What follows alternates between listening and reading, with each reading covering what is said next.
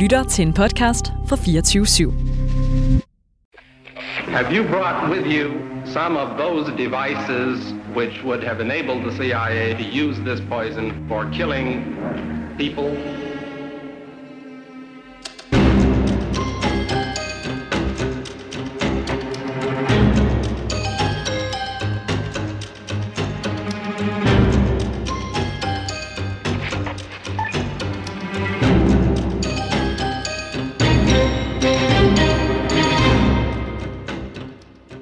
Lars Finsen.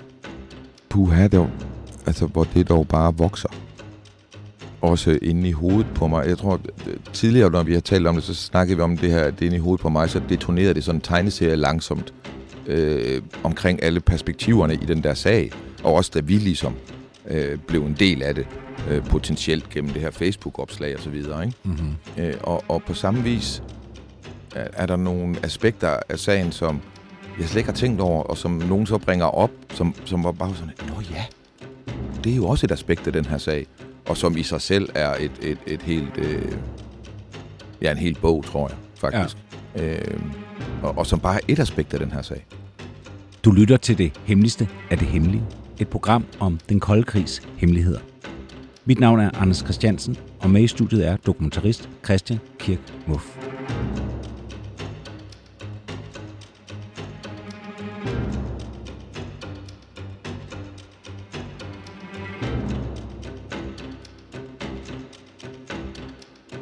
Det er jo egentlig en genindspilning af et afsnit, vi har lavet, men som vi har valgt at kassere. Og det har vi egentlig bare gjort af den lille grund, at der er sket noget i uh, hele FE-sagen, Lars Finsen-sagen, siden vi optog det. Og det er, at Lars Finsen uh, nu er blevet tiltalt. Uh, det vil sige, der, vil, uh, der kommer en retssag. Ja. Uh, sikkert en uh, med trippel, uh, trippellukket døre. Uh, der er så mange ting, vi, vi ikke finder ud af. Men, uh, men vi ved altså, at uh, det han er blevet tiltalt for, det er at lægge statshemmeligheder. Læggene skal være sket over for seks personer, herunder to journalister. Og det er altså sket i de 16-17 måneder, at Lars Finsen var hjemsendt. Mm. Og fritaget for tjenesten. Ja. Det er jo også sådan, i forhold til en tidslinje, er det jo også spøjst, at han bliver hjemsendt, så er det, de aflytter ham, og så er det under hjemsendelsen, at de nu sigter ham for. Jamen, altså burde de ikke sigte ham for det, han blev hjemsendt for? Men det er jo der, det er jo der sagen er, altså hvis man var Lars Finsen, så, så går man jo rundt om sig selv og, og stamper i gulvet og bider sig selv i tommeltotten, altså fordi man bliver anklaget for noget urimeligt. Det bliver man udsat for en hård konsekvens af, inden der er faldet dom i det. Man bliver hjemsendt, og, og, og der er offentlighed omkring det. Skandalen er sket, man er sådan set sat ud af spillet fra det øjeblik. Der er jo ikke nogen vej tilbage for Lars Finsen fra det øjeblik. Der er skibet sejlet. Han er en færdig mand i, i det, der var hans øh, gebet her. Og så for at fortælle, må man gå ud fra, hvor urimelig han bliver behandlet, så taler han med nogle af sine nærmeste, og han taler med to journalister, som skriver om det her, og som jo ikke har særlig meget viden om det, og som han så giver information til baggrund, for ligesom at stille sig selv, eller for ligesom at vise, at som det senere bliver konkluderet af en advokatundersøgelse, så er der ikke noget i den her sag. Tilsynet er ude og, og jagte spøgelser i det mm. her. Ikke? Og så falder, så falder øh, klap, klapper fælden på det. Altså du ved, det, det er det er virkelig en, en øh, altså vi er tæt på sådan en avar, hvad hedder det, agang, agent provokatør øh, opførsel. Altså hvor man må jo ikke som politiagent, der er undercover, gå ind i en kriminel organisation i Danmark og så sige, skulle vi ikke tage og røve Nationalbanken? Her er 11 Kalashnikov'er, og så kører vi der ind mandag formiddag, skyder alt, hvad der bevæger sig, og så går vi ud. Og så bagefter, så kan man jo ikke dømme den der gruppe for at have gjort det der, fordi det var jo dybest set politiet, der gjorde det med deres undercover-agent. Og her kan man jo sige, her sætter de i gang i noget, hvor de for det første smadrer ham og dømmer, altså giver ham konsekvenserne af det, han står anklaget for. Dem får han med det samme. Mm. Og så mens han er i, i de konsekvensers vold, så basker han med vingerne. Hvorefter man siger, at de konsekvenser var forkerte, men du baskede med vingerne, og så får du den på det. Ja.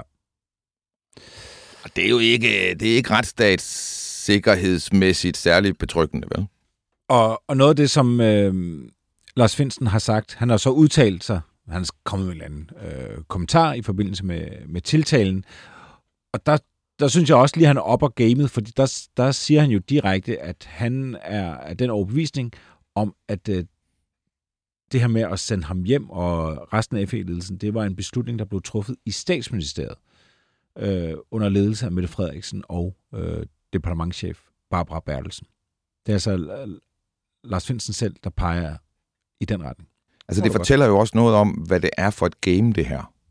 Altså, det kan godt være, at han nu er blevet endt med kun at kunne få fire år, fordi det er blevet til en domsmandsretssag. Så derfor så, så straframmen er kun op til fire år. Han var anklaget i noget, der kunne gå op til 12. Men det er der mange, der bliver i Danmark. Jeg tror, det er meget, meget sjældent, at forbrydelser bliver diskuteret på den måde i statsministeriet på højeste niveau. Og det er sjældent, at statsministeren og departementchefen, håber jeg, det er sjældent, at de lægger tommeltotten på i forhold til juridiske beslutninger eller ting, der kommer til at have lignende konsekvenser. Man kan jo sige, at han bliver hjemsendt på baggrund af tilsynet. Det er jo ikke en, det er jo en politisk beslutning. Men den har jo en effekt som en dom. Og den viser sig jo senere at være forkert. Og ja. dem, der har taget den forkerte beslutning, de har jo ikke mærket nogen konsekvenser. Det har ham, der blev udsat for den. Så at det er inde i statsministeriet på det der niveau, det er jo også, altså det fortæller også noget om et emne for det, vi laver podcast her. Det er nogle specielle forbrydelser. Det er nogle meget særlige og specielle forbrydelser, vi har med at gøre her. Ikke? Mm-hmm. Det vi har gjort til i dag, det er, at vi har talt med en øh, tidligere øh, medarbejder i Forsvars efterretningstjeneste, øh, som, hvor han var i mange år. Og tiger. Øhm, og det er måske dig, øh, Christian, der skal lige fortælle lidt om, hvad, hvad kan vi sige om, om den her mand, vi har talt med? Det her er en kilde, som... Du ved, det var, jeg, jeg har talt med ham et stykke tid. Og, og, og, og jeg kunne godt tænke mig, at du skulle tale med ham også, så vi har talt sammen alle tre.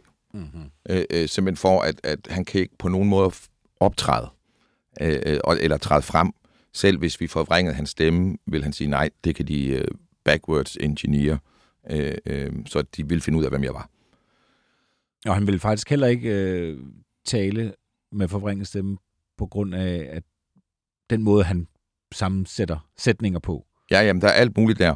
Og, øh, hvad hedder det? Man skal huske, Mossad har en afdeling for det, der hedder parafrasering. Og øh, det er en hel afdeling. Og det er information, de får ind, som man ikke må vide, hvor kommer fra. Det kommer igennem parafraseringsafdelingen. Og det vil sige, når det kommer ud i den anden ende, så har man brugt andre ord, man har anden sætningskonstruktioner, man har en anden opbygning af tekster, øh, øh, sådan at det er så langt væk fra originalt materiale som overhovedet muligt, men stadigvæk med den samme betydning. Ja. Jeg siger for eksempel himmelbøf. og, og, og det vil man så vide, hvis man så hørte en eller anden, godt nok med forvrænget stemme, hele tiden sagde himmel og bøf. Ja. Man tænkte, det er det, det, Anders går og, ja. og siger. Ja, så det vil man lave om til ja. hov. Ikke? Ja. Det, det er samme betydning øh, øh, og, og meget mere generisk. Mm-hmm. Øhm, og det er det, vi laver i dag i forhold til den her kilde. Vi har talt med kilden her, og, og, og den viden har vi, og nu vil vi prøve at videregive den øh, så meget vi kan parafraseret. Mm. Kan, kan du sige noget øh, kan du sige noget om, hvad han har lavet? Altså det her, det er en slider i systemet. Vi er ikke på øh, de højeste beslutningsniveauer. Det her, det er en, øh, en der har været hands-on i ind- og udland. Øh, og og øh, på forskellige vis. Altså både i, i øh, altså sådan hemmelige øh, aktioner, øh, missioner, øh, og, og også sådan mere langtrækkende, øh, øh, mere formende projekter af offentlighed eller øh, meninger, holdninger til. Øhm, uddyb. Nå, men sådan noget psykologisk øh, øh, krigsførsel. Ikke krigsførsel, men psykologisk gardening, Mm. Øh, Og hvis du skulle... Øh, hvis du skulle putte ham ind i en eller anden actionfilm, eller en eller anden thriller, eller en Hollywood-film, øh, hvem er han så? godt spørgsmål.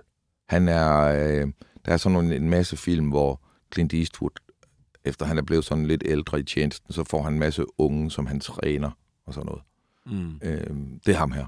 Og han har gået og set på politikken og beslutningstagerne og, og, og hele det der game. Det har han set øh, nede fra, længere nede fra i pyramiden. Øh, øh, men han har levet med konsekvenserne og har oplevet... Øh, altså han har et, et, et meget lidt øh, illusorisk blik på, på den industri, han har været en del af. Mm. Og, og vi snakker med ham om, om mange ting. Øh, det, er jo- det er jo klart, når man snakker med sådan en mand, så fyrer man også bare en masse spørgsmål i hovedet på ham, fordi man bare er grund nysgerrig. Men, men kernen har jo for os jo klart været hans syn på FE-sagen og sagen om, om Lars Finsen. Ja. Hvilket indtryk får du af, hvordan han ser på den her sag? Altså, han har ikke nogen favoritter i det her. Altså, det er ikke sådan, at han er, øh, synes, at Lars Finsen var en øh, fantastisk chef for Forsvarets efterretningstjeneste, eller han har ikke sådan nogle illusioner om, at det, det er de gode mod de onde på den måde. Øh, men han er øh, sådan helt fuldstændig overbevist om, og vil synes, det vil være naivt at tro andet end, at øh, der er blevet bagt en kage øh, og lagt en fælde for Lars Finsen. Øh, at, at det her, det er, øh, det er sådan her, man fjerner en mand. Øh, og, og når det er sådan en magtfuld mand som ham her, øh, der ved så meget, så gør man det på den her måde, så man også sikrer sig, at han holder sin mund. Der er nogen, der vil af med ham. Ja. Og han talte om, og det havde jeg, det har jeg altså simpelthen ikke indblik i, men han talte jo om, at der har været en, en form for sammensmeltning af PET og FE på nogle områder. Ja. Og i den sammensmeltning, der har øh, der er nogen, der mener, at FE har fået for meget magt, og derigennem har Lars Finsen fået for meget, meget magt. Præcis hvad det er, det der, altså, som jeg forstår det, så tror jeg, der er nogle af ledelsestrukturerne i, i, i PT og FE, der ligesom er kommet til at bo tæt på hinanden, eller, øh, øh, eller de trækker på de samme ressourcer. Øh, jeg- jeg ved, er faktisk ikke helt klar over, hvordan det der det er. Men netop, det er præcis det, han siger, at FE er blevet storebroren i det der, øh, øh, i den danske efterretningstjeneste miljø. Og det er de blevet så eftertrykkeligt øh, de senere år, og jeg tror, at det indtryk, han giver, det er, at Lars Finsen, han har reddet den der rigtig hårdt. Og, og, øh, og der er en kæmpe kulturforskel imellem militæret og politiet. I militæret, der går man honør og siger, ja vel ja tak, når man får en opgave. I politiet, der kan man godt nogle gange lige skulle spørge fagforeningen, om det er uden for arbejdstid, og, og hvad takst det så er, og, øh, og, og man kan også godt sige til chefen, prøv lige at tænke over det der igen, er du sikker på, at det er en rigtig beslutning? Og sådan. Det er et, et, et, en civil organisation, Mm. øhm, på en anden måde end militær, og det skulle også give nogle problemer, ikke? Jo. Nu har vi jo begge to talt med en del, der har eller har haft en, en tid i FE. Altså, folk i FE ser ned på PET. 100 procent. 100 procent. Altså, det er, øh, det er FCK og Esbjerg FB.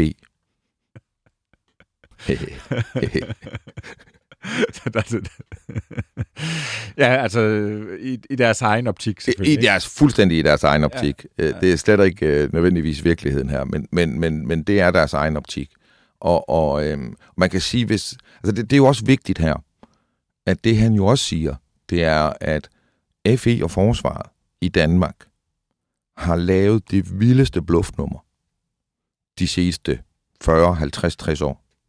Forsvaret, hjemmeværnet, Forsvarets efterretningstjeneste, har jo fortalt en klinger-klang-historie om, hvordan piger i trøjen, altså de drikker varme øl, og så jager de storbarmede piger i høet, mens at deres øh, general bliver lokket til at tage svampe, mens de er på øvelse. Mm. Du ved, altså det er bare fest og ballade, det hele. Ja. Øh, øh, og det siger han, jamen det der, det er en øh, fuldt bevidst branding af sig selv, for at få folk til at kigge den anden vej. for at tænke, men der er jo ikke noget der. De, de, kan jo ikke, altså, de kan jo ikke slå to søm i, så hvordan skulle de kunne lave en konspiration, eller kunne betyde noget for nogen, eller være interessant at kigge på. Så man kigger alle mulige andre steder hen. Og på den måde så har de i årtier og årtier og årtier haft magt, kæmpe stor magt, som offentligheden ikke har set. Og samtidig har de fået lov til at råde og regere, som de vil. Ikke? Og det underbygger han jo med at sige, at problem, der er ministre, som mister taburetten på ganske få dage, hvis de ikke gør, som Forsvarets efterretningstjeneste siger. Altså, der løber det jo koldt ned ryggen på mig. Ja, for det, det, det siger han jo. Han siger jo, at, at, at folk bliver fjernet. Han siger ikke for et godt ord. Nej, nej. Det er ikke som man bare lige siger, at han er fandme en grim trøje, skal vi ikke få ham fyret. Men de er i stand til det, og de gør det ret resolut. Hvis der kommer nogen, der rokker båden, eller vil ændre retning på båden, eller vil skifte ud på båden, så går det dem ret hurtigt, ret ilde. Altså, Eller, hvad eller, var det for en historie, han fortalte med, med, med konen der? Det var, jamen, der er en, der, der, man må gerne, du skal på et seminar, du er i forsvaret, du skal til Genève, fire dages seminar. Du må gerne tage konen med. Du skal bare betale alle udgifter, der er forbundet med hende, som er ekstra i forhold til den rejse og de udgifter, du ville have haft, hvis du rejste alene. Det er jo meget klart, meget enkelt, og det giver også god mening. Øh, du ved, man skal væk hjemmefra i fire dage og så videre. Det kan jeg ikke have noget imod. Og det har man heller ikke i forsvaret. Så lad os nu sige, det er mig, der er generalen her, der tager sted. Så kommer jeg hjem, og så afleverer jeg til en sekretær, en eller anden, der håndterer det her. Og, øh, og det er han vant til at gøre, det har han gjort perfekt, ham jeg afleverer til, øh, øh, 99 gange. Men her den 120. gang, der er der... Han glemmer det. Han får det ikke gjort. Fordi der er nogen, der har sagt til ham, lad lige være med det. Eller måske har han gjort det, og så har chefen i regnskabsafdelingen været inde og fjerne det. Det er ikke til at sige. Pointen er, hustruen, min hustrus i det her eksempel, afregning, den forsvinder. Så jeg bliver aldrig opkrævet udgifterne. Det bliver ikke modregnet. Det, jeg har betalt for alt undervejs, mm. men det skal modregnes med hende. Det sker så ikke. Det er jeg ikke opmærksom på, fordi det foregår automatisk. Og nu synes jeg ikke, at et eller andet, et eller andet er, er det rigtige at gøre, men det synes dem, der har magten i systemet. Og så bliver jeg knaldet på, at jeg ikke har afregnet for min kone. mm. Og det er en, øh, altså jeg har jo snydt det offentlige her, og, og er øh, ikke til at regne med, og en tyv, øh, eller ja, næsten, ikke? Tyv. Og øh, så er jeg ude af vagten. Så, så de har altså simpelthen øh, latente øh, møjsager liggende på, på mange mennesker. Ja. Og de Sådan, kan placere en bombe derinde, ikke? Mm. Så, så du ved, hvis de ved, at øh, du er begyndt på en linje politisk, vi ikke kan håndtere, så ligger vi bomben nu, og så detonerer vi den om seks måneder, hvis du bliver ved. Altså parallellen her, undskyld mig lige, men parallellen her til andre ting, vi har talt om, og her springer jeg til palmemor, det er jo, at, at øh, sommeren inden han bliver slået ihjel, øh, i månederne inden valget, der foregår i september 85, der får han jo pludselig en møjsag i skattevæsenet, hvor han bliver anklaget for ikke at have betalt skat af belønningen for, at han har holdt et foredrag på Harvard University, Mm. hvor hans søn så har fået et stipendie samtidig. Og så siger skattevæsenet, du byttede det her foredrag for din søns stipendie, og det er faktisk skattepligtigt. Så du har en skattesag, hvilket var meget svært for Palme at håndtere, fordi at han havde kørt så hårde skattesager mod øh, Astrid Lindgren og andre. Astrid Lindgren betalte 101 procent i skat. Øh, øh, og, og, så, så det var der alt muligt omkring. Øh, og øh, han overlevede så den her skattesag. Den, han vandt sagen, altså han vandt valget alligevel. Øh, men det, det lignede så meget en sag, der lå og blev konstrueret og blev lækket i et radioprogram direkte, mens Palme var i studiet i august måneden inden valget. Ikke? Mm. Han klarer sig så igennem. Og så seks timer før han bliver skudt den 28. februar 86, så er der nogen inde i statssystemet. Altså inden, derinde, hvor man ikke kan komme ind i filer og så videre, der fjerner papirerne på den her skattesag. Og fem timer senere, så bliver han skudt i ryggen. Ikke? Mm-hmm. Øhm, men det er bare, du ved, det, det, det er bare for at sige, du ved, det, det kunne jo godt ligne sådan en sag. Altså sådan en bombe, man lægger ind i systemet, og så nakker man ham, når, når, når det bliver nødvendigt. Her kunne man så ikke nakke Palme med den, og så gjorde man det næste, som så var at skyde ham. Ikke? Mm-hmm.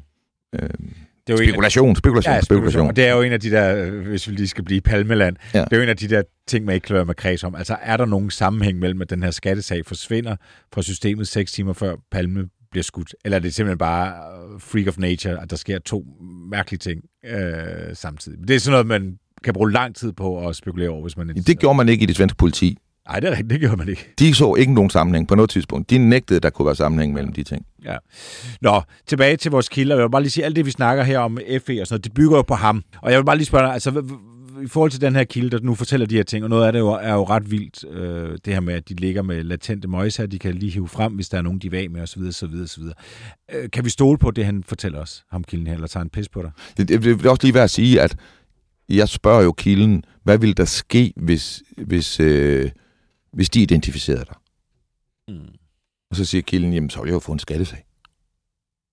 Altså, ikke at der er noget, men jeg vil skulle bruge to-tre år, der vil jeg skulle bruge 40 procent af min vågne arbejdstid på at forsvare mig i en skattesag. Men i forhold til, altså, kan, du, kan, vi, kan vi stole på ham? Han tager en pis på dig? Altså, Jeg har ikke rigtig kilder, jeg stoler mere på. Så, altså, øh, øh, det, det er næsten as good as it gets, øh, vil jeg sige. Øh, Jamen, det er jo fair nok. Ja. der, Jamen- hvad, mere kan du gøre? jamen, der, er jo ikke, der er jo ikke mere at sige om det, men nu har du jo også talt. Altså, hvad, hvad er din oplevelse? Jo, men han var jo meget underspillet og meget øh, altså, troværdig og nede på jorden og stille og rolig og taler på den der klassiske efterretningsmåde, der også er pisse irriterende, hvor at han, han siger ting, og så siger han det en lille smule upræcis eller en lille smule abstrakt, så han ikke...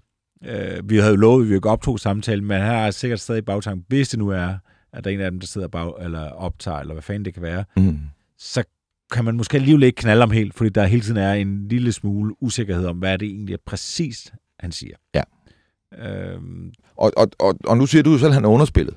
mm, Hvilket jo så gør det mere impa- øh, hvad hedder det, giver større sådan, øh, øh, altså det slår hårdere, når han så siger ting, der er sådan, han så siger. Ikke? Ja. Øhm, jeg spurgte ham også, øh, hvad med honey traps og sådan noget? mm, ja, ja, og hvorfor gjorde du det? Jamen, det er jo bare fordi, at dels er det jo... Øh, altså, øh, sex er jo blevet en del af FE-sagen også. Finsen-sagen også. Øh, øh, S og M øh, øh, sex er lige pludselig blevet noget, som øh, man diskuterer øh, på møder med ledere af de danske politiske partier i Folketinget osv. Fordi det angiveligt er blevet taget op af pt chefen der han orienteret politikerne om, om sagen. Og det blev taget op som noget, der altså skulle udgøre en eller anden form for enten karakterbrist eller sikkerhedsrisiko. Mm. Øhm, og, og, og det er jo øh, pænt bizart. Som udgangspunkt skulle man mene. Men det er jo samtidig noget, efterretningstjenesterne ofte arbejder med det her. Altså, øhm, vi kan læse om, at lige nu her i de her uger og måneder, at bliver der afsløret en russisk spion angiveligt i NATO-kredse i Italien, som hun har infiltreret øh, ved at se godt ud og have bygget en øh, historie om, hvem hun er øh, igennem mere end 10 år. En falsk identitet. Øh, og, og, og pludselig er hun tæt på NATO-generaler og så videre ved en flådebase i Italien. I øh, Mar-a-Lago, øh, Trumps vinter hvide hus, I, i, Fl- i Florida. Florida, øh, er der billeder af en øh, Anna de Rothschild, som er øh, angiveligt øh, fra Rothschild-familien og meget, meget rig, og som der er billeder af hende og Trump, og billeder af hende og Lindsey Graham og Trump, og hun omgås alle de rigtige på Mar-a-Lago. Øh, og i den periode, hvor de her dokumenter så omtalt, der er så omtalte, de er til stede på Mar-a-Lago, også det samme tidsperiode. Og hun er afsløret som russisk spion, øh, som også har brugt mere end 10 år på at opfinde en falsk identitet. Og det er jo ikke kun fordi, at de er rigtig kloge og dygtige til golf, at de her kvinder kommer frem i den der verden. Øh, hvis man kigger på, hvordan de ser ud og, og hvordan de opfører sig, øh, øh, så er der jo 100% honey trap logik i den der øh, ting, de gør det. Ikke? Mm. Øhm, så jeg tænkte, jamen okay, øh, øh, er det muligt, at dybest set, at Finsen er lukket i en honey trap med det her SRM6 for eksempel? Ja. Var det Ja. en mulighed? Mm. Bruger den danske efterretningstjeneste honey traps. Ja. Og øh, det har han et sjovt svar på. Ja, det, der, der siger kilden, at det, altså, det mener han jo ikke, de gør sådan hands-on. Nej. Øhm, men han siger, at det er heller ikke nødvendigt. Altså mistanken eller rygterne, Forestillingen om. forestillingen om, at de gør det, er nok. Altså, man kan også sige det på en anden måde. Man behøver ikke at få en mand til at være utro. Man skal bare få konen til at tro, at manden har været utro. Præcis. Så, så det, det er jo noget nemmere, fordi du skal ikke have en til at, at have sex med nogen Mm. øh, professionelt for at lokke ind i en fælde. Du skal ikke skabe hele situationen. Du skal bare skabe en situation, hvor konen tror det. Så har du skabt et problem, der er stort nok til, at den mand formentlig vil gøre rigtig meget for at løse sit problem. Og hvad skal der så? Ja, så får efterretningstjenesten jo, som det vil have det. Altså, hvis, hvis, øh, hvis konen tror, du har en affære, og efterretningstjenesten bliver ved med at plante lange, lyse hår på din jakke, bliver ved med at spraye dine underbukser med en lille smule parfume, der ikke er konens, og så videre, og så videre, så holder de gang i en ild, der gør dit liv så ulideligt, at øh, det fratager dig alt fokus på arbejde og alt muligt. Hvis du på det tidspunkt får at vide af nogen, der henvender sig til dig og siger, du har nogle store problemer i dit liv, det kan jeg se på den måde, du bærer dine skuldre. Øh, men hvis du tager en kop kaffe med mig, så er jeg sikker på, at nu strækker du lige skuldrene ud. Hvad det? Det er så, du talte lige ind i min sjæl. Og så vil du ret hurtigt øh, øh, sige ja til en kop kaffe, og du vil være ret lydhør over for nogen, der siger, prøv at høre, det der, det kan forsvinde. Det kan forsvinde som duk for solen. Og vi kan forklare din kone, hvad der er foregået. Uden at hun forstår helt, hvad der er foregået. Men nok til, at hun ved, at du er skyldig. Mm. Du skal bare give os det der dokument. Eller du skal bare give os referatet af det her møde. Eller du skal købe de her aktier for os. Eller hvad det nu måtte være. Og, og det leder os lidt hen til det næste, fordi når vi har kigget på FE-sagen og hele Finsen og anholdelsen og anklagerne og buller og bra og, og nu ser det hele til at, at smuldre, og sagen bliver væsentligt mindre, end det var lagt op til, da man først fandt ud af, at han var anholdt ude i lufthavnen og, Ja. og landsforræderi og alt det der halløj. Så har vi jo, øh, så har vi jo tænkt, det er da godt nok en omgang amatørisme, det her. Mm-hmm. Det her, det er jo helt hatterbriller. Øh, sådan ser han jo ikke helt på det, vores kilde. Nej. Øh, han er ikke dybt imponeret af det, men han siger, det er lige meget. Ja. Det handler slet ikke om det. Det handler ikke om at få Finsen dømt. Det handler slet ikke om det. Det handler bare om at få ham fjernet, og det er lykkedes. Mm. Ja, resten nu, det er forlaget, og det skal bare håndteres. Og, og, og selvom Finsen vil blive frikendt, så vil han sandsynligvis nok ikke kunne vende tilbage til at være chef for Forsvars efterretningstjeneste. Ikke sandsynligvis. Det, det løb er bare kørt. og, det var, Never gonna happen. og det er det, der har været helt formålet. Ja. Nå, så, så, så det, altså for det øjeblik, han er hjemsendt, så er operationen lykkedes. Ikke? Så er der ikke, du ved, han kommer ikke tilbage igen efter en hjemsendelse. Det er svært at forestille sig, at du mistænker chefen for en efterretningstjeneste for at være så meget forkert, at du er nødt til at sende ham hjem. Altså, så finder du en ordning med ham bagefter. Mm. Mm. Det kan godt være, at han ikke skal have fængselsstraf og sådan noget, men så får han et gyldent håndtryk, et eller andet. Han kommer ikke tilbage igen. Mm. Altså, øh, så du har på det tidspunkt, der er det sket. Ikke? Så, så alt, hvad der sker derefter, er jo bare at samle ind til så at finde den bedst mulige sag. Mm. Ja, og det kan være, det er nogle helt andre mennesker, der får overladt det. Ja, ja. Altså det er jo så kan være, nu er det uh, Tesfayes hovedpine og alle mulige andres hovedpine. De har bare fået, nu skal I få det der i mål. Men dem, der har haft interesse i at få fjernet Finsen, de, de er måske videre. Og dem, der har været instrumentelle i at gøre det så rent faktisk, de er der i hvert fald ikke mere, fordi forsvarsministeren er skiftet ud, og justitsministeren er skiftet ud mm. Siden det her. Ja. Ikke? Så, og det er, jo, altså, det er jo ikke så lang tid siden, vel? Men der er skiftet på begge poster. Så der er ikke nogen af dem, der sidder der lige nu, der kan blive fældet på det her. Medmindre de begår et eller andet nu omkring det. Men, men de forkerte beslutninger, det er ikke de nuværende ministres ansvar. Mm. Så er der jo, øh, der er jo en masse øh, teorier om, hvad det her det handler om. Hvem er det, der er, trækker i trådene her? Hvem er det, der har iværksat det her?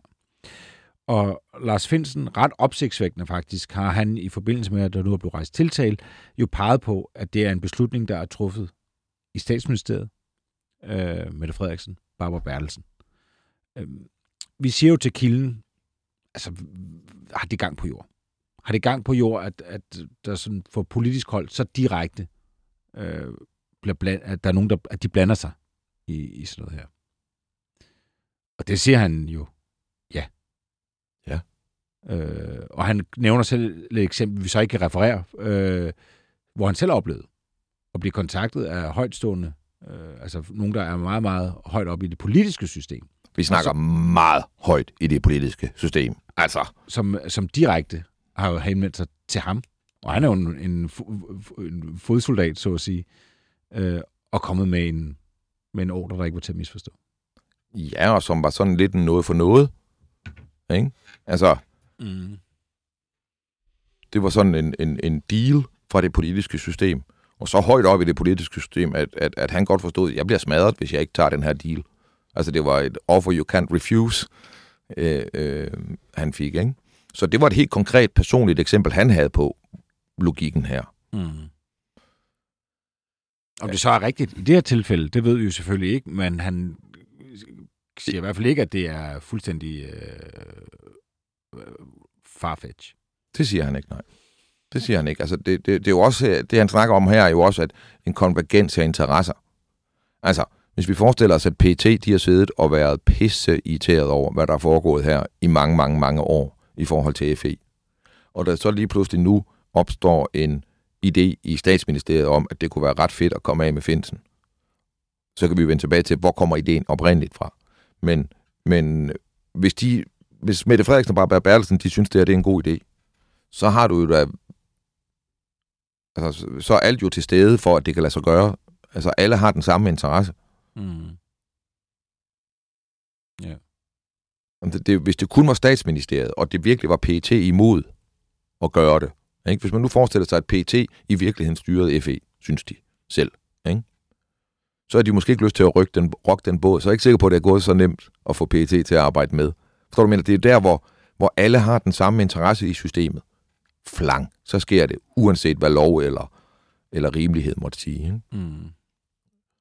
Så, så det er ikke bare, du ved, jeg tænker ikke, at de bare kan gøre det, og så bare gøre det, og så sker det. Men, men, men hvis alle er enige, altså der var jo også noget i det eksempel, vores kilde giver, der var jo, de var jo enige, fordi der var jo noget i det for kilden også. Mm. Så det var sådan en, alle vinder. Ja. Men vi stopper også lejen nu. Ja. Uden at det politiske system bliver eksponeret. Ja. Fordi der, der, men bare lige for at sige, det er jo ikke sikkert, at den bare kommer fra Mette og statsministeriet. Vi har jo tidligere talt om, hvor kan det her egentlig komme fra, der kan forklare det her. Altså, jeg har svært ved at tro, men det kan være min naivitet. Jeg har svært ved at tro, at et personligt misforhold mellem Barbara Bertelsen og Lars Finsen, for eksempel, eller Mette Frederiksen og Lars Finsen, at et personligt misforhold mellem dem kan drives til det her. Jeg kan tro, at det, at der er et personligt misforhold, det er benzin på et bål. Det gør, ikke, det, ved, det gør, at man måske trykker på speederen i forhold til at, at køre frem over for Finsen, mere end man forsøger at bremse. Hvis det nu havde været nogle af hans bedste venner og kollegaer, så tror jeg, at håndteringen havde været anderledes, ja. Men jeg tror ikke, at et misforhold kan være motiv. Så, så, og jeg tror ikke, at PT, fordi at de er utilfredse med, hvordan det interne magtforhold er mellem FE og PT, at de kan gøre det her. Vel? Mm. Jeg tror på, at de to forhold gør, at når der kommer et stærkt mod nogen, der vil have det her gjort, så er det nemt at gøre, fordi man er enige om at gøre det, og alle har en interesse i det. Men det er ikke fremme endnu. Hvorfor sker det her? Vores program hedder Det Hemmeligste af det Hemmelige. Og når man snakker om det hemmeligste af det hemmelige, så bliver man nødt til at snakke om øh, CIA. Altid. altid. og, og, det, det er altid, der, der sker altid noget med folk, når nogen siger CIA. Præcis. Så er nogen, der siger, okay, han har tabt den. Altså, der er altid, det, det er sådan et, næsten ligesom nazi-kortet, men Præcis. Der, er, der er et eller andet over... Men plus, at man skal lægge mærke til med CIA, man siger jo ikke The CIA. De hedder bare CIA. Ja. Altså, der er nogle, der er nogle øh, institutioner, som, som er helt øh, sådan, så stærke i sig selv, at der ikke er noget prefix på dem. De er bare CIA. Vi havde øh, over sommeren øh, besøg af Peter Øvig Knudsen, øh, og der kom vi jo også til at sidde og snakke Lars Finsen og FE-sagen. Og der, der siger Peter Øvig, han er jo den, øh, og Peter Øvig, han er jo dansk forfatter og dokumentarist, vi, vi, vi kender ham udmærket godt, skrevet især bøgerne om Blikkingadbanden har været interessant for os at, at tale med ham om. Øhm, og han, han nævner jo det her, altså, okay, vi antager, at en stor del af hele det her, øh, øh Lars Finsen øh, lægger oplysninger, det er spor tilbage til øh, historier om kabelsamarbejdet med de amerikanske efterretningstjenester. Man finder ud af, at øh, der er nogle ret interessante internetkabler, der går igennem Danmark, som man kan tappe, og dem er amerikanerne meget, meget interesserede i. Derfor så indgår man en aftale med danskerne om, at det må de gerne. Og der kan jeg bare sige, at jeg har fået oplysninger om præcis, hvad det handler om for et kabel osv. Det er sådan, at i 93 bliver det første lyslederkabel ud af det gamle Sovjetunionen, det nuværende Rusland. Det bliver lagt igennem Østersøen og ind i Danmark. Så øh, hele Ruslands tilknytning til øh, internettet i fra 90'erne og frem går via Danmark. Og det er et... Det er et kabel, der ender ude i Albertslund. Og det er jo efterretningsmæssigt, er det jo et... De kalder det selv et guldæg, ikke? Altså, det, det, er, det er som at have posthuset for din værste fjende. Ja. Øhm, og det har jo været helt fantastisk. Nå. Der er grund til at antage, og det er mange andre, der gør, at, at det især er den her historie. Og, hvis den kommer fra Lars Finsen, altså lægget om det, øhm, så kan man jo sige, hvem er det egentlig, der bliver forurettet her? Mm. Det er også det, Peter Øvig Knudsen er inde i øh, at tale om her. Ikke? Hvem er det, der bliver forurettet? Hvem har egentlig øh, noget at miste ved, at det kommer frem? Det er vel jo egentlig ikke Danmark. Vi fremstår bare mega fede. Vi har fucking det her kabel. Mm. Øhm, det er jo amerikanerne. Ja. Det er det. Det er jo deres... Øh, altså det, der er blevet, blevet beskrevet omkring, hvad der foregår omkring det her kabel, det er jo i høj grad noget, der står oven på det, Snowden slap løs. Mm-hmm. Og, og han beskriver jo der nogle programmer, som simpelthen er i stand til, ligesom vi bruger Google, så kan du bruge det der program, men i stedet for at du søger på den åbne del af nettet, så søger du på folks mails og sms'er og alt andet øh, elektronisk personlig kommunikation. Øh, og det vil sige, at du kan simpelthen bare skrive en, en mailadresse ind, og så et kodeord, for eksempel søgeord, så får du alt med den person, Merkel, Angela Merkels øh, mail, og så alle kodeordene. Så hvis du skriver hendes mailadresse og Russia, så er alle de steder, hvor Rusland optræder i mails, det vil du få frem. Ikke? Mm. Øh, og, og det er jo øh, det er jo en hver efterretningstjenestes våddrøm, og, øh, og det er jo den, amerikanerne frygter at blive vækket fra, fordi at der kommer for meget opmærksomhed omkring det her. Altså, at der har været lidt omkring det Snowden. Altså, tænk på, hvor meget Snowden er blevet begravet. Mm. Prøv at tænk på, i forhold til, hvad det var, han sagde, der foregik. Så kan man jo spørge, er der nogen, der føler sig tryggere ved, at det ikke foregår længere? Alle de ting, han beskrev, som jeg vil sige var meget lidt betryggende som demokratisk borger. Mm. Ja. Øhm, det fortsætter jo på fuld knald. Øh, og og øh, det er amerikanerne, der først og fremmest er ramt af, at det her bliver offentligt. Og bliver bekræftet. Ikke mindst bekræftet af en dansk efterretningstjenestes chef. Ja. Så det er dem formentlig, ifølge Peter, men jo også vores egen analyse, ifølge Peter Øvigs analyse, men også vores, det er vi jo enige i, det, det peger alt jo på, så er der amerikanerne, der siger på det, det kan ikke nytte noget, det der. Det der, det skal lukkes, og det skal lukkes på en måde, så alle forstår. Ikke kun Lars Finsen, men alle forstår, at det her skal vi ikke snakke, det skal vi ikke snakke om det her. Og hvis vi følger den, øh, så, så, øh, så spørger vi jo selvfølgelig øh, vores kilde, vores øh, FE, øh, mand, som vi, vi har snakket med for, for et stykke tid siden, og spørger, altså lægger den her teori øh, frem for ham, og siger, hvad, hvad, hvad tænker du om det? Og der siger han jo faktisk til os, den tror han meget på. Hmm. Ja, det mener han er det mest sandsynlige også. Det er det, han siger.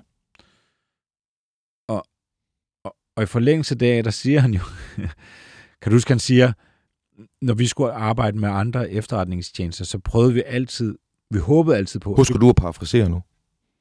Du citerer ham lige. Jeg skal lige huske at parafrasere. Når de arbejdede med andre efterretningstjenester, så håbede man altid på, at de kunne få lov til at arbejde sammen med MI6, altså englænderne, Ja. og ikke, ikke amerikanerne. Man vil altid prøve at få englænderne ind. Ja. Fordi de har det samme øh, opfattelse af menneskeliv. Og, og den samme øh, etik i forhold til, hvad kan man? Og de har øh, den samme offentlighed i forhold til, hvad kan man slippe afsted med? Amerikanerne, de er lidt ligeglade med menneskeliv, og de gør hvad som helst for at få det, de skal have, og de regner aldrig med, at de bliver taget i noget som helst. Ifølge vores øh, kilde her, ikke? Ja. Så øh, men han, han køber fuldstændig ind på den der øh, amerikaner-teori. Altså, der er simpelthen nogen, der har ringet, eller hvad det fanden de gør, Ja. ja. så nu lukker jeg munden på ham, og det skal ske nu. Yes. Og så er det, man over hals og hoved skal finde på et eller andet, yes. der gør det. Og det kan måske forklare, hvorfor det ser så kluntet ud fra dansk side, fordi man simpelthen bare har fået en, en tvangsbold, som skal løses øh, hurtigt. yes.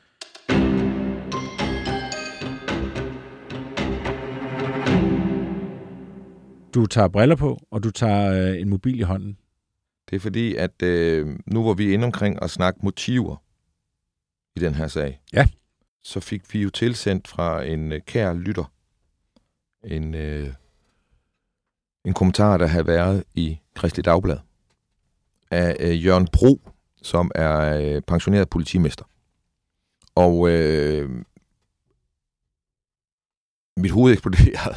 Det var sådan virkelig, wow, endnu et aspekt af den her sag. Og, og, og, og sådan noget, hvor man tænker, hvorfor har jeg ikke tænkt over det? Det er først, da jeg læser hans fremragende kommentar her, at jeg bliver sådan klar over, nå ja, det er jo vildere, end vi har gået og tænkt over. Fordi det, han går ind i, det er whistleblower-vinklen, hedder hans kommentar. Og der skal man jo huske, at når, når Finsen bliver sendt hjem, så er det på baggrund af en rapport fra tilsynet med efterretningstjenesterne. Og de har igennem lang tid, flere år på det her tidspunkt, opbygget en stor mistillid til FE. Fordi de har stillet en række spørgsmål, som de har fået, hvad de selv oplever som misvisende eller decideret forkerte svar på. Og når de ved, at de har fået misvisende eller forkerte svar, så er det fordi, at de har kilder inde i FE. Der er en whistleblower, eller der er faktisk flere whistleblowere inde i FE på det her tidspunkt, som fortæller tilsynet, hvordan virkeligheden er inde i FE. Og den er ikke, som det fremgår, af de der svar. Og så er det så, at Jørgen Pro han siger, okay, men arbejdede de alene, de der whistleblower? Var, det, var de så idealistiske, at de fra dag 1 og til de sluttede deres engagement som whistleblower, der arbejdede de helt alene og uden kontakt med nogen. Der var ikke nogen undervejs, som han siger, der fik de faglig hjælp af nogen undervejs. Det er jo en vild operation, de her whistleblower har gang i. De går rundt inde i Forsvarets efterretningstjeneste, og ifølge Forsvarets efterretningstjeneste i hvert fald, stjæler informationer. Dokumenter sikkert. Ikke mindst har de øh, hemmelige optagelser fra møder derinde. Det nævnte vi også i et tidligere program. Det er jo vanvittigt. Altså, det er jo så hemmelig agentagtigt. Og det er jo det, han skriver, Jørgen Bro, dybest set. Det er de der whistleblower. Er vi sikre på, at de ikke var hemmelige agenter? Altså, nogen, som agerede på vegne af andre. Hvis du er en whistleblower, så reagerer du på din egen samvittighed. Men hvis du er en agent, en hemmelig agent, en der i hemmelighed arbejder på vegne af andre, hvad, hvad, hvad har vi så at gøre med her? Og han siger, at det er jo i lang tid angiveligt. De her whistleblower, de går rundt inde i Forsvarets efterretningstjeneste og optager ting, altså er hemmelige agenter. Og det er, altså, det er jo ikke, det er jo ikke legesager. Det der, det er dybt, dybt, dybt alvorlig kriminalitet, øh, hvis det ikke er at være whistleblower. Og så siger Jørgen Brum, hvem er det? har der været nogen, man kan sige, har været førende? Har der været nogen, når de er kommet med dokumenter eller optagelser, whistleblowerne, som de har spillet det for undervejs? Som har forklaret dem, hvad der måske er foregået, hvis de ikke selv har vidst det? Eller som har givet dem gode idéer til, hvad de skulle tage at få dokumenteret? Har de været helt uden føringsofficerer, de her whistleblower, spørger Jørgen Bro. Mm. Og så spørger han, hvem kunne de være? Og så peger han på, at det kunne være øh, fjendtlige stater. Altså, at det her kunne jo simpelthen være sat i værk af en fjendtlig stat. Og det er jo rigtigt. Det kunne det jo. Altså, hvis... Vi ved ikke, hvem whistleblowerne er. Mm. Vi ved, at det, de har foretaget sig, har været i forhold til at være whistleblower meget, meget farligt, og igennem lang, lang tid i det sværeste miljø at gøre det i. Men vi ved også, at hvis de har fået nogen som helst hjælp undervejs, så er spørgsmålet, om de er whistleblower, eller om de er ført af nogen. Og det kunne jo være PT. Det kan også være tilsynet. Men, men hvis det er tilsynet, så er det jo sådan set rimeligt nok, kan man sige. Altså, hvis det er bare tilsynet. Men jeg ved ikke, om det der tilsyn er sat op til at kunne have agenter. Mm. Fordi så bliver de jo agenter for tilsynet. Mm. Så der er bare en... Altså, hele balladen her starter med noget, som er så svært helt at rumme ind i hovedet.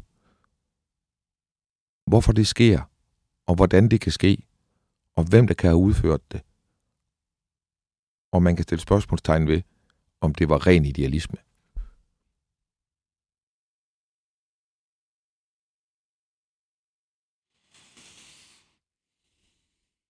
Ja.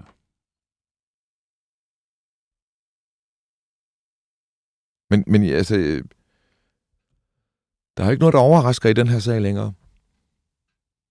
Og øh, Nej. Nej, det er det ikke. Altså, det er jo, det er jo en, i al en gave til vores program, øhm, at vi har sådan en sag, der kører. jo, Men den, det, er, jo, den, over, den overgår alle øh, fantasier.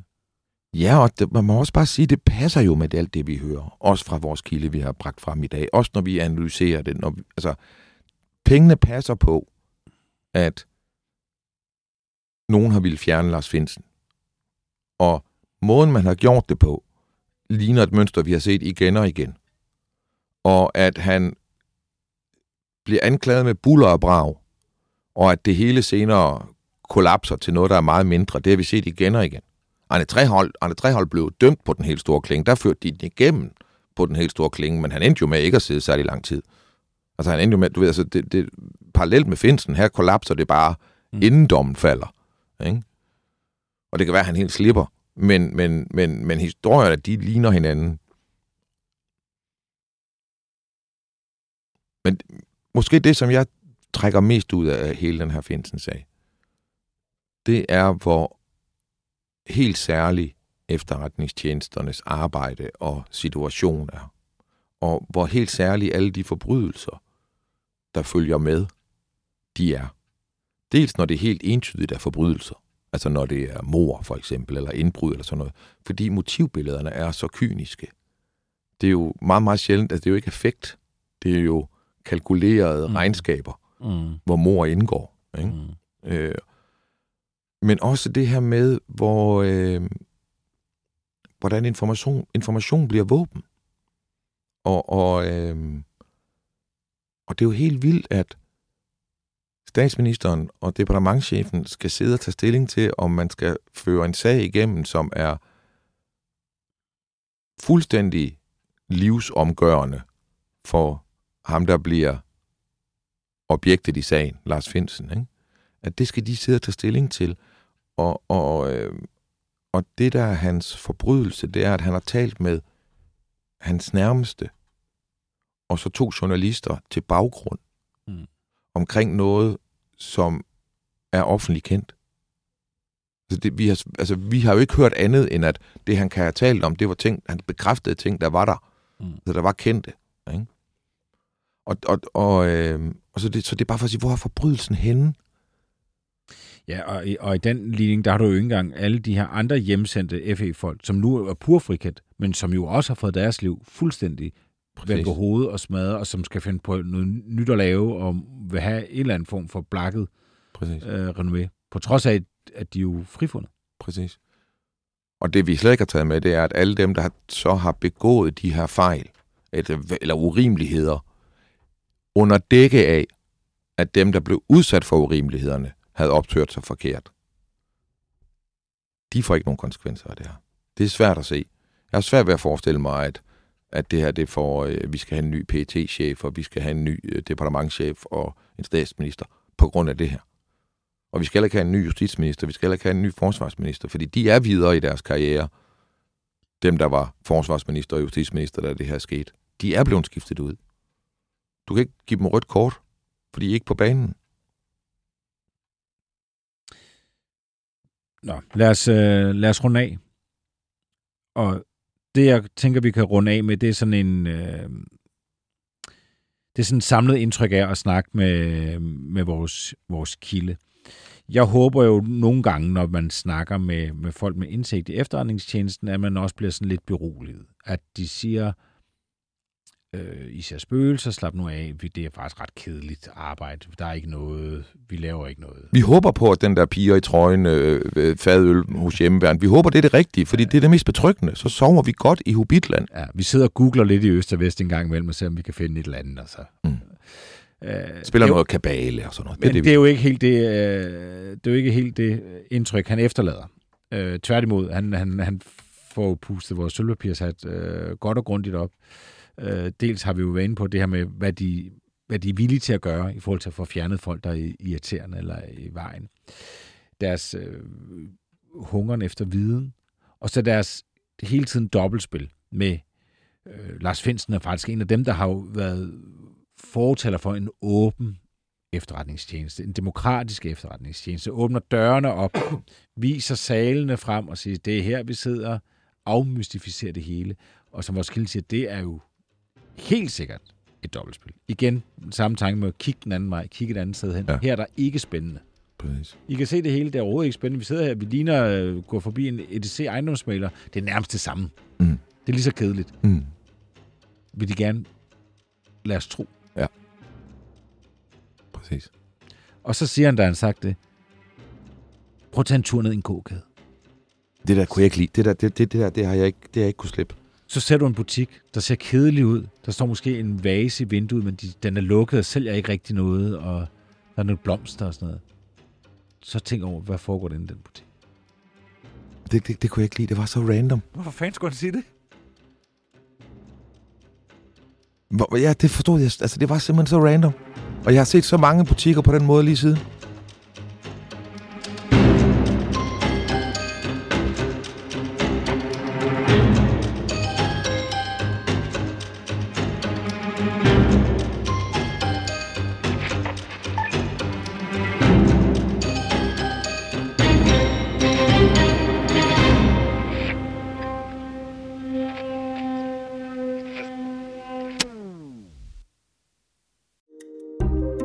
Kære lytter, du har lyttet til et program fra 24 /7. Du kan finde meget mere modig, nysgerrig og magtkritisk taleradio på 24 7 appen Hent den i App Store og Google Play.